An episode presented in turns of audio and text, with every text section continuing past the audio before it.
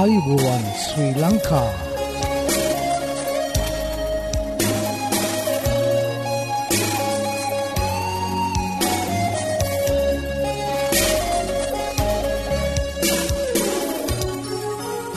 ඔබට සුපදස මේ ඇඩවෙන්ටිස් වර්ල් රේඩියෝ බලාපොරොත්වය හඬයි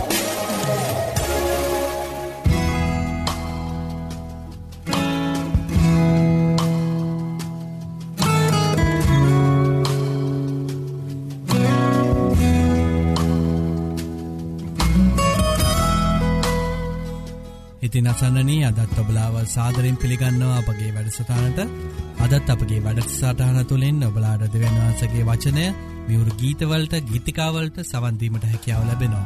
ඉතිං මතක් කරන්න කැමති මෙම වැඩසටානගෙනෙන්නේ ශ්‍රී ලංකා 7ඩ ඇඩවෙන්ටිස් කිතුුණු සභාව විසින් බව ඔබලාඩ මතක් කරන්න කැමති.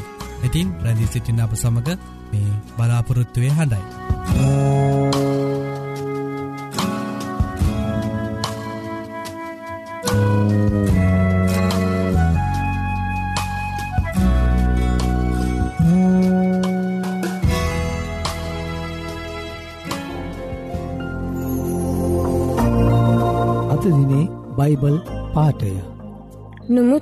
නුමුත් අන්දකාරයෙන් තමන්ගේ විසමපත් ආලෝකයට නුඹලා කැඳවාගත් තැනන් වහන්සේගේ උත්කෘෂ්ඨතාවයන් දක්වන පිණිස නුඹලා වනාහි තෝරාගත් වංශයක්ද රාජකීය පූජකයෝද ශුද්ධ වූ ජාතියක්ද දෙවන් වහන්සේ සන්තක සෙනගක්ද වන්නහුය. එක පේත්‍රස් දෙකේ නවය.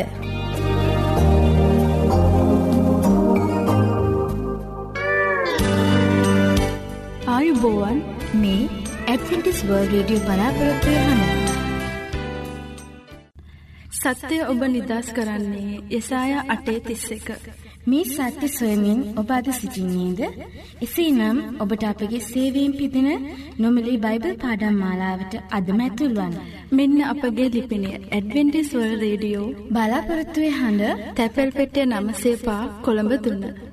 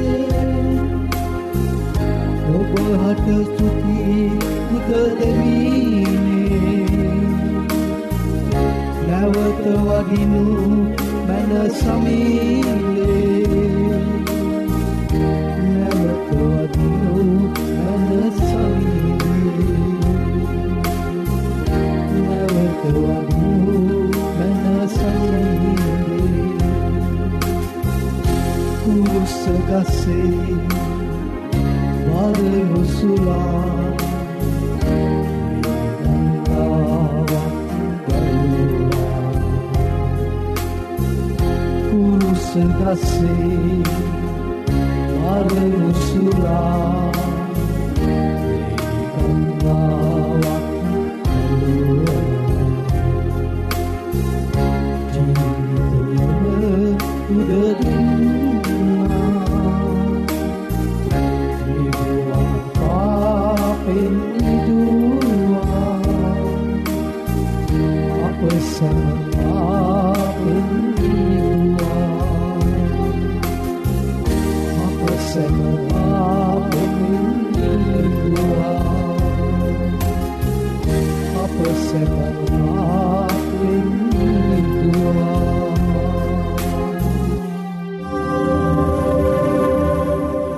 ආයුබෝවන් ඔබ මේ සවන් දෙන්නේ ඇඩවෙන්ටිස් වර්ල්ඩ රේඩියෝ බලාපොරොත්තුවේ හඬටයි.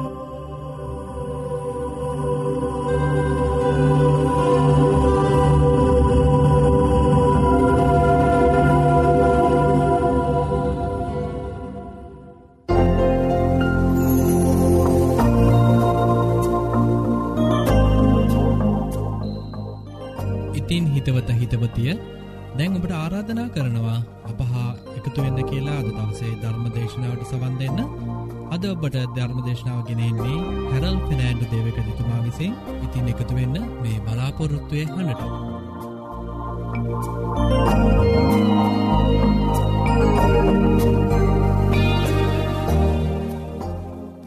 මගේ ප්‍රිය දූදරුවනි අද ඔබ මම අමතන්නට යන්නේ ලස්සන මාතෘකාවක් යටතේ. ඒ තමයි ඇගිල්ලේ මුදුවක්ද දමන්න. මගේ ප්‍රධාන බයිබල් පදය වෙන්නේ යෝවල් පොතේ දෙවිනි පරිච්චේදේ දාසයවෙනි පදය. ඉතින් මගේ ආදරණය ප්‍රිය දරුවනි මගෙත් ඔබගේ ජීවමාන දෙවියන් වහන්සේ ඔබට මෙන්න මෙහෙම කියනවා යෝවෙල් තුමා තුළින්. ඉස්සලා කියපු බයිබල් පදය යෝවෙල් දෙකෙ පහළව. සියොන්හි හොරණෑව පිඹ ශුද්ධ වූ උපවාසයක්ද රැස්වීමක්ද ප්‍රසිද්ධ කරපල්ලා. සෙනග රැස්කර ශුද්ධ වූ සභාවක් පවත්වා මහල්ලන් එකතු කර ළමයින්ද කිරිදරුවන්ද එක් කාසු කරපල්ලා. ඇයි මෙහෙම සෙනගට දෙවියන් වහන්සේ සෙනගව රැස් කරන්නට කියන්නේ. මනුෂ්‍යයා ජීවමාන ශුද්ධ වූ දෙවියන් වහන්සේව එපා කරලා තම තමුන්ම තම තමුන්ගේ ජීවිත මාර්ගවල ගමන් කරන නිසා. ඒ නිසා කියනවා දෙවියන් වහන්සේ මේ සෙනගට පසු තැවිලි වෙලා දෙවියන් වහන්සට යටහත්ව උන්වහන්සේ වෙතට හැරියෙන ලෙස. දහ අටවිනි පදය මෙහෙම කියනවා. එකල ස්වාමින් වහන්සේ තමන්ගේ දේශය ගැන ජුවලිත වී තමන්ගේ සෙනගට අනුකම්පා කලසේක. ඈත ඉතිහාසයේ නිනීවය නුවර වැසියන් පිළිබඳව ඔබගේ දෙවි ස්වාමින් වහන්සේ මෙන්න මෙහෙම කියනවා. මේක ඇත ඉතිහාසයේ සිද්ධ වෙච්ච සත්‍ය වූ කතාවක්. යෝනා හතරේ දහවිනි පදය එකොළොස්වනි පදය. ස්වාමින් වහන්සේ නුඹේ මහන්සවීමකින්වත් වැවීමකින්වත් නැතුව රාත්‍රියකින් හටගෙන රාත්‍රියකින් නැතිවී ගිය ලබු එල කෙරෙහි නුබ අනුකම්පා කලා. එසේ නම්.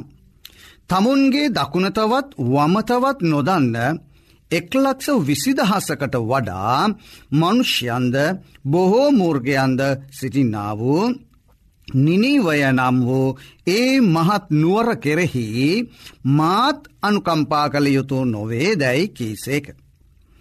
ඒ දෙවියන් වහන්සේ ඔබවත් රැකගන්නවා. ඔබටත් උන්වහන්සේ ආදරෙයි.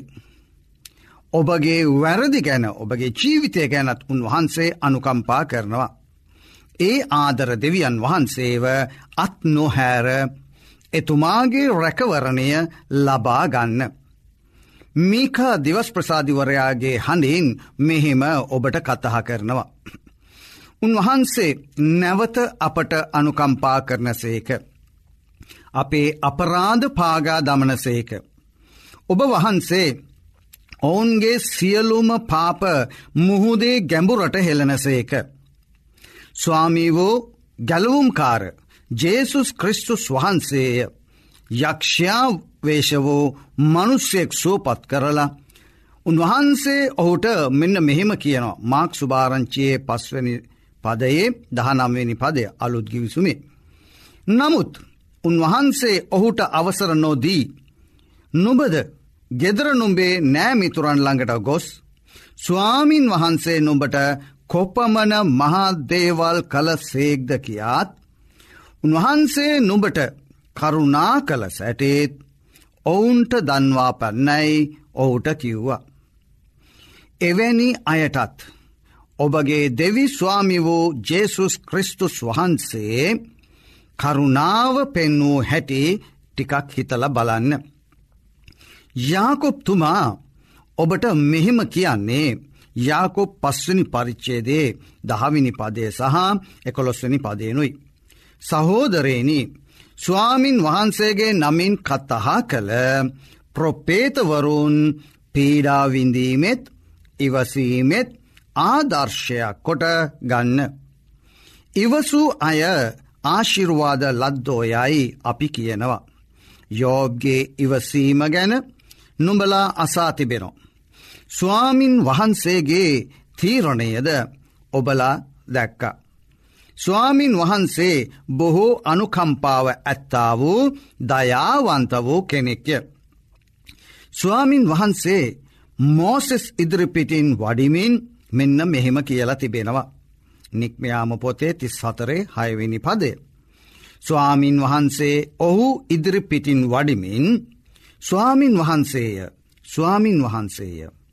උන්වහන්සේ අනුකම්පාවෙන් පූර්ණ වූ දයාවන්ත වූ උදහස්වීමට ප්‍රමාද වන්නා වූ අධිකතර කරුණාව සහ සැබෑකමද ඇත්තා වූ දෙවි කෙනෙක්ය කියලා.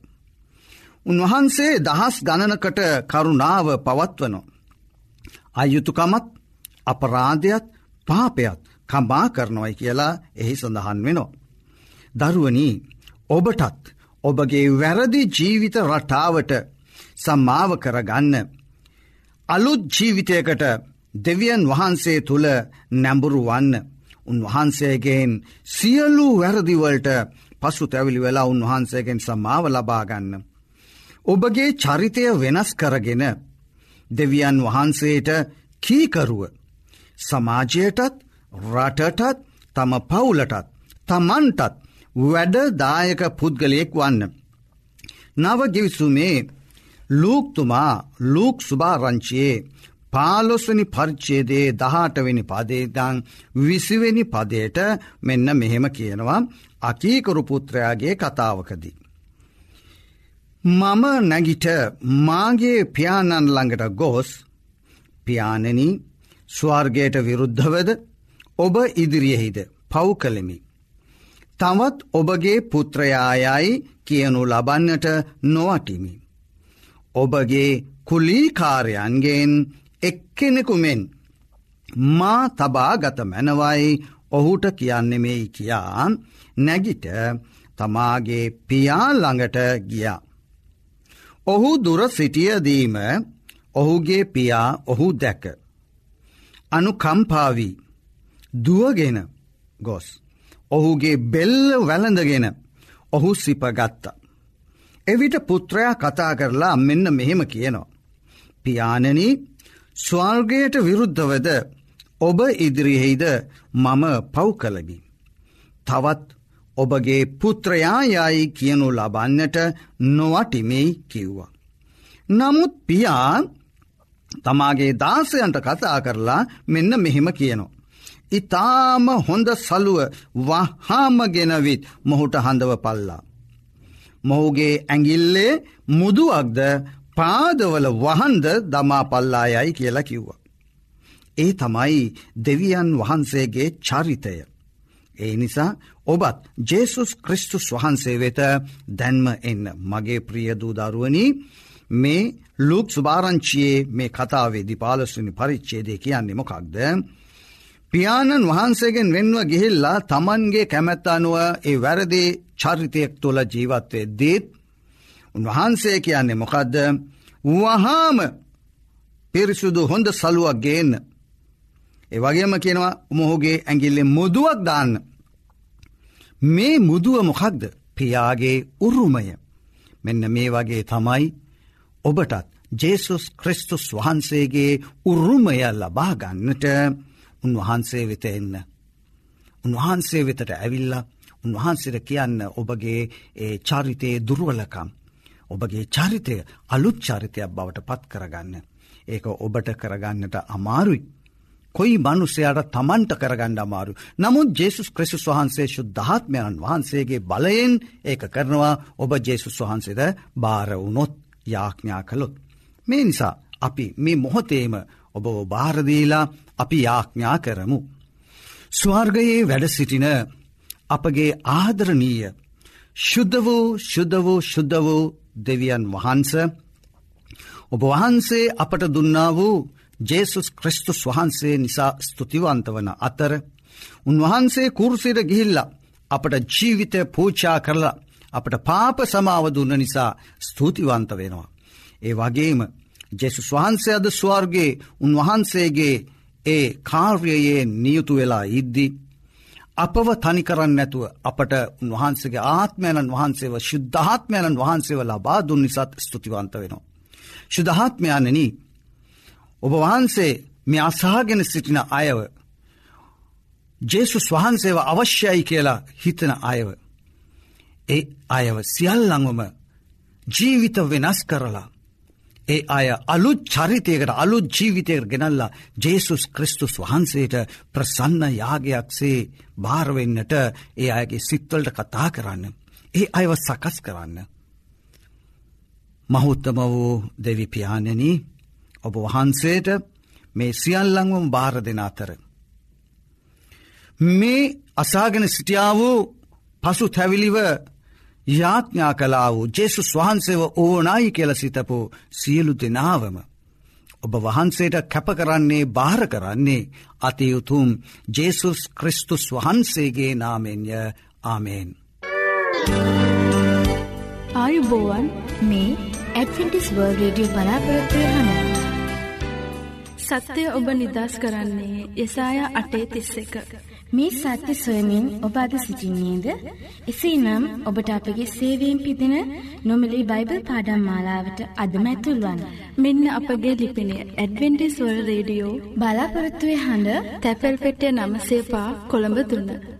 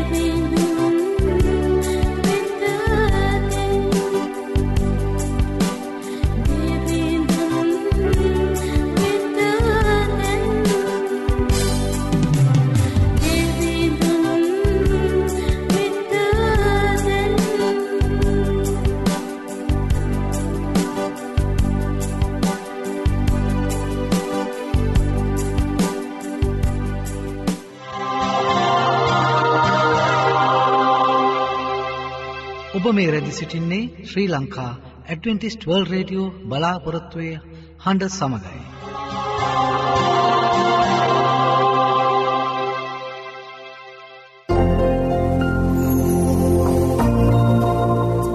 අපේ මෙ වැඩසටාන තුළින් ඔබලාට නොමිලේ ලබාගත හැකි බයිබල් පාඩං හා සෞඛ්‍ය පාඩම් තිබෙනවා. ඉතිං ඔබලා කැමතිනං ඒවට සමඟ එක්වෙන්න අපට ලියන්න. අපගේ ලිපින ඇඩවෙන්ටිස් වර්ල් රඩියෝ බලාපොරත්තුවය හඬ තැපැල් පෙට්ටිය නමසේ පහ කොළඹ තුන්න මම නැවතත් ලිපිනීම තක් කරන්න ඇඩවෙන්ටිස් වර්ල් රඩියෝ බලාපොරත්තුවය හඬ තැපැල් පෙට්ටිය නමසේ පහ කොළඹ තුන්න ඒවගේ මොබලාට ඉත්තාමත් ස්තුතිවන්ත වෙනවා අපගේ මෙම වැඩසිරාණ දක්කන්නව ප්‍රතිචාර ගැන අපට ලියන්න අපගේ මේ වැඩසටාන් සාර්ථය කර ගැනීමට ඔබලාගේ අදහස් හා යෝජනාවට අවශ්‍ය. අදත් අපගේ වැඩසටාන නිමාව කරාලඟාව තිබෙනවා ඉතිං පුරා අඩහෝරාව කාලයක් අප සමඟ රැඳී සිටිය ඔබට සූතිවන්ත වෙන අතර හෙටදිනෙත් සුපුරුදු පරිදි සුපුරුදු වෙලාවට හමුවීමට බලාපොරොත්තුවයෙන් සමුගන්නාම ප්‍රස්ත්‍රියකනායක ඔබට දෙවියන් වහන්සේකි ආශිර්වාදය කරුණාව හිමියේවා.